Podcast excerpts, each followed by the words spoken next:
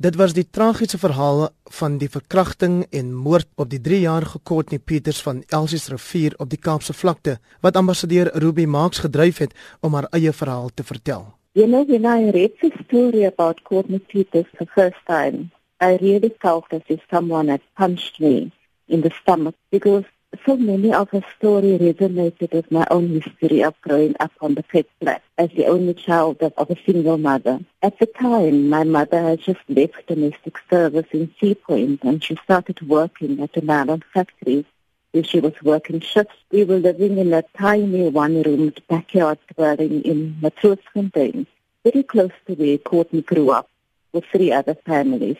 And as a young girl, I was often left alone while my mother worked afternoon and late shifts. And so I had my own experiences of so-called uncles who were always familiar to me, who would play with me while touching me inappropriately. One of them even went so far as to expose himself to me and ask me to, to fondle him. Luckily, at that time, I was able to get away. And then also later, at the age of 11, I witnessed a, a so-called family friend rape my mother on the floor next to the bed that I was lying on. He told her that it was either me or her. Tydens die voorval het haar ma vir haar beduie om stil te bly en hulle het eers 30 jaar later weer daaroor gepraat.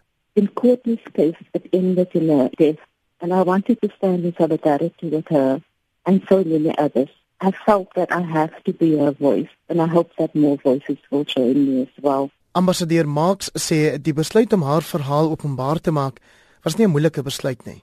I wanted to lift, I suppose, the just a veil of silence about the many experiences of women like myself, irrespective of our position, who have experienced and have witnessed sexual abuse, so that instead of shaming and blaming ourselves, we need to speak out with openness and with courage. Because by telling our stories, we break that complicit collusion that our silence creates and that allows this relentless attack on girls and boys to continue. But we also achieve something that is very empowering and I've had that experience. Die ervaring waarna sy verwys is die van vroue wat hul reg terugeis om hul eie lewe te beheer en die skep van 'n narratief oor die oorgang van slagoffer na oorlewende. So my hope is really very simple, but in telling my story, I give other women the courage to tell their own and so be more aware of the change that speaking out can create within themselves, within their community and also within broader society.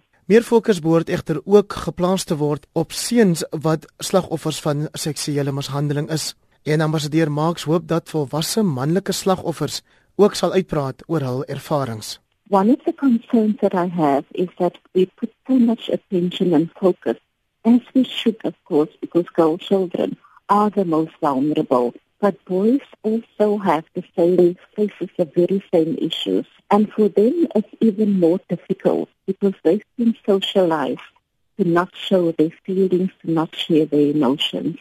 And I think that there's a lot more boys who are also suffering sexual abuse than we are aware of. But somehow their experience has been silenced And I think it's time for us to, to spend as much time and energy and resources to research what it is that boys, children have experienced. So I'm hoping that men who have experienced sexual abuse at a young age and who have been sexually groomed in some way or the other by one or other uncle will also come forward and talk about their own stories. Girls and boys are affected by the scourge. And so they should be given a voice speak to that experience as well.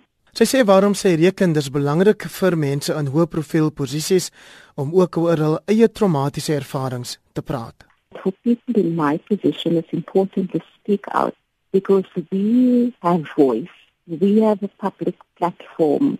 We are able to reflect on our experiences because we've moved beyond that experiences in a way that allows us to help others. For example, one of the things that I do is that I run a bursary program in my mother's name. And I want those young bursary holders to know that when they look at me, they look at someone who also comes from a working class family. You know, I was never uh, expected to get as far as becoming an ambassador. And of course, that took very, very hard work. But still, I have a public platform, I have a voice, and I think that I can do my bit to make sure that other people who look at me will recognize that, the sum total of my experience is reflective of a working class background where I had also experiences which involve sexual abuse.